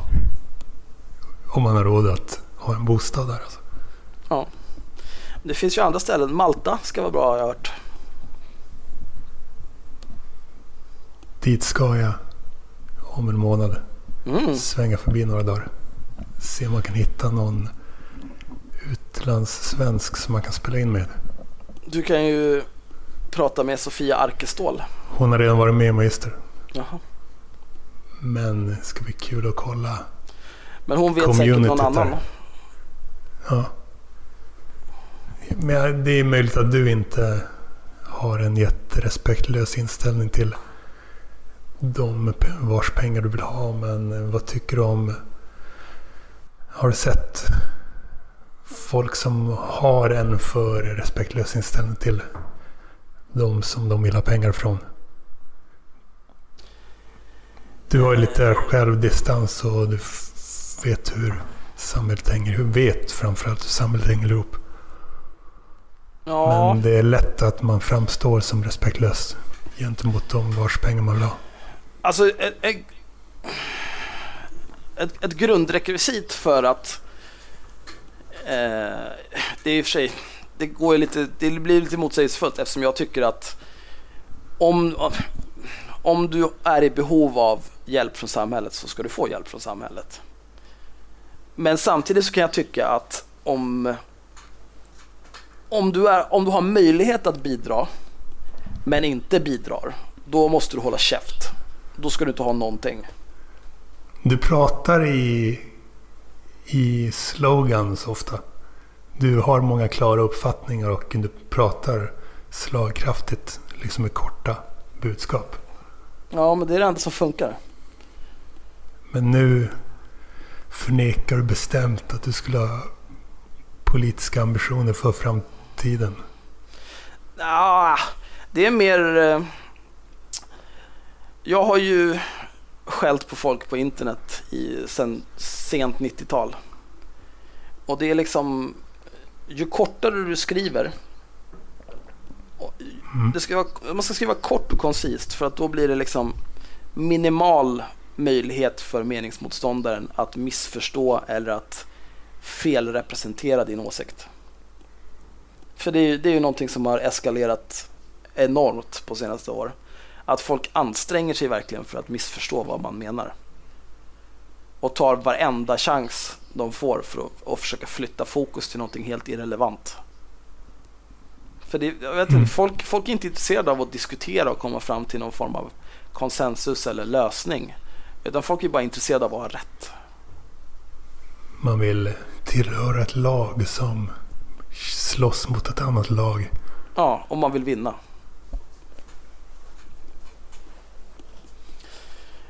Och det är ju ett problem, helt klart.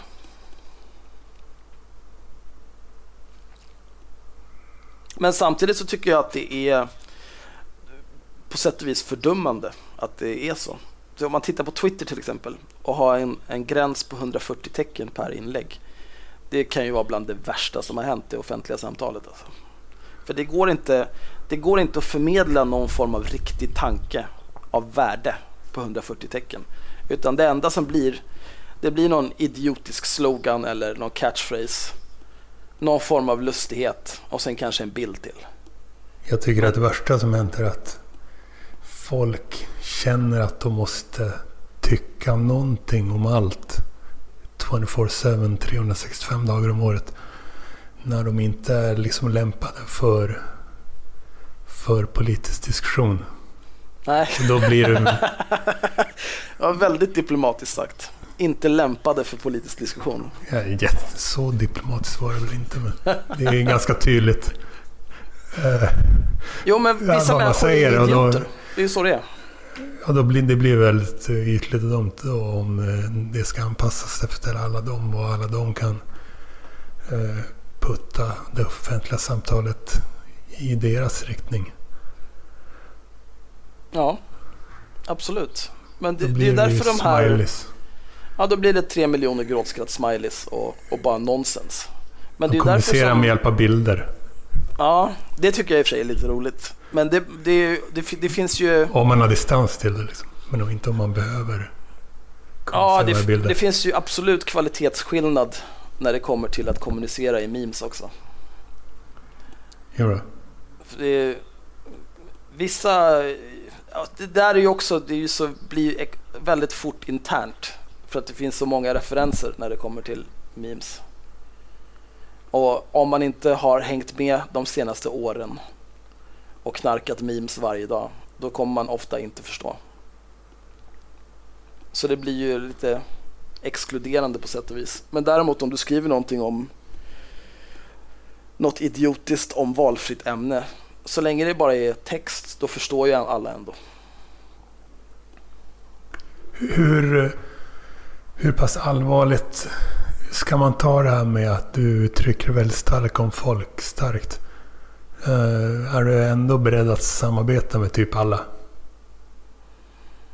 Ja, nej, inte alla. Och kan du nämna några som, som är rökta? Uh, ja, eller i och för sig. Nej, alltså det beror på om man tänker samarbeta. Uh, jag skulle kunna mm. tänka mig jag hatar ju till exempel Daniel Vresig av hela min kropp och, och själ. Han är verkligen en av de absolut äckligaste och sämsta människor jag vet. Men jag skulle kunna tänka mig att ha med honom i haveristerna och bara skälla ut honom i en timme. Det är ju ett samarbete på sätt och vis. Det gör du online, men eh, det är skillnad på offline och online. Ja, alltså jag, jag skulle ju inte hjälpa honom att flytta liksom. Nej, men skulle du kunna skälla ut honom offline en timme? Ja, troligtvis. En eh, annan som du har sett att du har en, haft en beef med. En som vi har försökt få som gäst i Magister, Rashid Musa. Mm. Ja, han är också en vidrig människa. Han har ett kul Instagram-konto. Asså. Har du sett det? Nej, jag försöker undvika Instagram. Jag tycker... Det är ganska... Alltså det är sån jävla narcissism på Instagram. Och sen också, nu, det kanske har blivit bättre, men alla de här människorna som ska berätta vad de åt till lunch. Jag bryr mig verkligen inte om det. För det är... Nej. Det, det, är, det är nästan ännu dummare än Twitter. Eh, Där är det ju, det är klart, det är ju, där är det ju bara bilder. Ja. Det är, det är ingen debatt dessutom på Instagram direkt. Vad är det som är roligt med Rashid Mussas Instagramkonto? Eh, bara enskilda bilder. Han i fredags postade en bild från fredagsbönen. Så Mhm. stod, stod det barn bredvid. Liksom bland de här som gick ner på knä. Och så skrev han eh, Det är papporna som pa- passar barnen nu, det är nya tider. ah, du ser, du ser. Kolla, nu har vi det här på band. så jävla dumt. Dumt. Verkligen dumt. Kolla det här är fantastiskt. Ja, Eh, brobyggande mellan dig och Musa här. ja, välkommen in i 1900-talet Rashid Mussa. Nej, men, Jävla sopa. tror jag, han menar inte så. Han menar ju bara konstatera ju. Du tyckte att det var ett roligt skämt. Ja, Du, du tyckte att, det, han, att han gjorde ett roligt skämt där. att, alltså jag, jag, det omedvetet är det roligt. Han menar det säkert, han är säkert helt allvarlig. Och tycker att Tror det där är progressivt. Nej, ja, kom ja, igen. alltså, jag, jag, tror, jag, Vänta, jag- tvivlar, jag tvivlar starkt på att han har men, minsta självdistans. I alla interaktioner jag har haft med honom så, alltså det är en, en så dum människa. Sådana människor har inte självdistans. De har inte självinsikt. Eh, vi får någon gång i framtiden tror jag att eh, du kommer inse att ni är mer gemensamt än vad, vad det verkar. Jag och Rashid Musa. Ja, Alltså han är ju... Ja, jag vet inte. Kanske. Alltså det jag här är ett framsteg. Ja. Men det är, även om det är ett medvetet skämt så han är ju fortfarande... Det är en smula problematiskt det här med att Sveriges unga muslimer envisas med att bjuda in antisemiter, homofober och kvinnohatare som föreläsare och talare. Samt den här, jag skulle nästan säga terroristkramandet tycker jag också är sådär. beror på vilka, vilka liksom förväntningar och förhoppningar man har om folk. Jo, men jag, jag tror eh, de flesta kan nog förändras till det bättre. Sen så finns det ju vissa som av olika anledningar bara är helt meningslösa och värdelösa. Så man kan ju inte förvänta sig, alltså när man, när man ser till exempel någon någon som är 70 plus som säger eller gör någonting helt sinnessjukt. Då, det, det, det går inte att förvänta sig att en person som är så gammal ska bara kunna förändras hur som helst. Har, har de ens tillräckligt mycket liv kvar för att kunna bearbeta alla tidigare erfarenheter och göra en förändring? Förmodligen inte. Men det positiva är ju att de är skitgamla, de kommer dö snart. Och då spelar det ingen roll. Eh, Där är du mer pragmatisk än eh, när det gäller Rashid Musa. Eh, Där väljer du att se mellan fingrarna om vissa grejer när det gäller 70-åringar. Du skulle lika gärna kunna se mellan fingrarna med eh, vilka han bjuder in liksom som talare. Vilka- Ja, alltså egentligen. Egentligen ska Eh, man alltid se mellan fingrarna. Typ, egentligen det är, det är alltid så här. eh, Man måste göra ett val mellan att vara pragmatisk eller idealistisk. Ja, men just Rashid Musa, det är ju, problemet där är att skulle det bara vara så att han, att han var ordförande för en organisation som bjuder in antisemitiska föreläsare. Det skulle egentligen, det är så skitsamma. Okej. För det, ja visst, var antisemiter då. Men Men, men när han samtidigt ska grina om islamofobi, då, då passerar en gräns alltså. För alltså, hycklande är så jävla äcklig egenskap. Man kan, man kan inte ena dagen lyssna på en föreläsning från om, om, från en känd antisemit och sen dagen efter grina om att man blir förfördelad på grund av sin religion eller sin etnicitet. Du måste välja. Antingen så är alla lika mycket värda och ingen religion eller etnicitet är bättre eller sämre än någon annan och ingen ska diskrimineras på grund av sin etnicitet och sin, eller sin religion. Eller så är det inte så. Man kan inte få både och. Det går inte. Jag väljer rätt vara pragmatisk med de flesta. Det är skönare och enklare. Ja.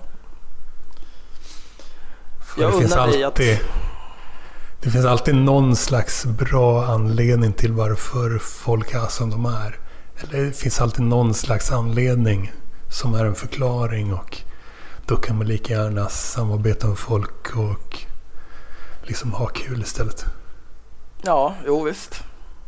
Det beror ju på vad man har för, för ambition. Exakt. Har du något mer som du vill säga? Mm, Nej, egentligen inte. Lyssna på haveristerna. Om ni vill. Jag ska säga att det här samtalet blev lite B från min sida för jag blev fortfarande störd av det här tekniska som innebär att Axels ljud försvann varje gång han liksom inte pratade. Och undermedvetet tror man att liksom han har kopplats bort från samtalet men det får vara som det är. Mm. Jag tycker vi har det... gjort ett strålande jobb här. Det är ju trots allt tredje gången vi gör något, eh, något sånt här tillsammans. Och ändå mm. lyckades vi prata om saker vi inte har pratat om förut. 23.01.28 Stockholm Odenplan. Hej Axel! Tja! Tjaba! Hur är läget? Några minuter eller? Ja, du kan få några minuter. Efter ett antal år utan att ha fått ett skit. Inte det är sant. Hur, Var, varför alltså? Eh, sammanfattning alltså. Sammanfattning av kvällen här eller vår relation de senaste åren? Eh, senaste åren? Ja. Inte kvällen här, eh, absolut inte. Jag, jag känner att vår relation har stagnerat. Ja, för att du inte svarar på någonting. Eller? Ja, men det är, det är för att du säger samma saker hela tiden. Det gör jag ja, verkligen inte. Det är inte spännande. Uh, men du, du, det är bara i vissa fall du har emot att folk uh, typ uh, inte svarar på tilltal så som skrev det där brevet. Jag skiter i om folk svarar på tilltal eller inte. Oftast. Oftast är det jag menar, men det är din, eh, din, din, för, din, program, din förklaring av eh, din hela genomgång av varför du... Var det, um, det, det var du får berätta vad det var för någonting. Jag, jag, har en känsla av att jag vet vad du menar men jag kommer inte på Patreon-brevet om eh, eran Någon för detta. Någon på tilltal, eller hur? Det hade du ett problem med att hon inte gjorde då. Ja, när Myra inte svarar på tilltal om hon vill ha sina pengar som eh, lön eller som på faktura. Men, men, alltså det är hela, så här, det är hela ditt case mot henne, det ryms i det där brevet alltså? Ja, absolut. Men att hon inte svarade på det, det skiter jag egentligen i. Eh, jag betalade ut som lön bara, det var inte ett problem så. Men jag bara tänkte att det var liksom... Eh, att jag drog till med den där, hon svarade inte ens på det när jag frågade henne hur hon ville ha sina pengar. Det är ju för att narrativet var ju att hon är en stackars fattig kulturarbetare. Om man då vet att man ah, har 16 000 netto. Det där behöver inte, så mycket behöver man snacka om folk i min podd. Men alltså, det är inte ens, inte ens det här med att jag kallar det för en sellout svarar du på. Vad är grejen med det? Nej men det är, det är okej, du får tycka det. Men om du jämför ditt liv eh, eh, typ eh, för sju år sedan. Ja. Eh, det finns vissa fördelar med mitt liv jämfört med det, det du har nu också kanske? Ja. Du, du är inte förföljd och så? Sju år sedan då... Du, du var inte det menar då? Nej, jag var inte förföljd och trakasserad av en galen pundare. Ehm, jag gjorde inte en podd, det var också ganska skönt för sju år sedan. Mm. Ehm, där är Linnea Claesson, det är spännande. Ja, du kan ju eh, prata med henne nu. Nej, prata med henne. Jag vill inte prata med henne, jag tror inte hon vill prata med mig. Jag, jag, jag har hållit på med sånt där. Jag försöker det... stämma av, känna in känslan.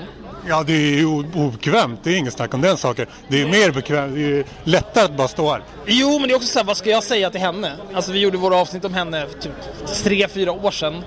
Det är ju överspelat nu. Hon tycker väl att vi är de värsta människorna som existerar förmodligen.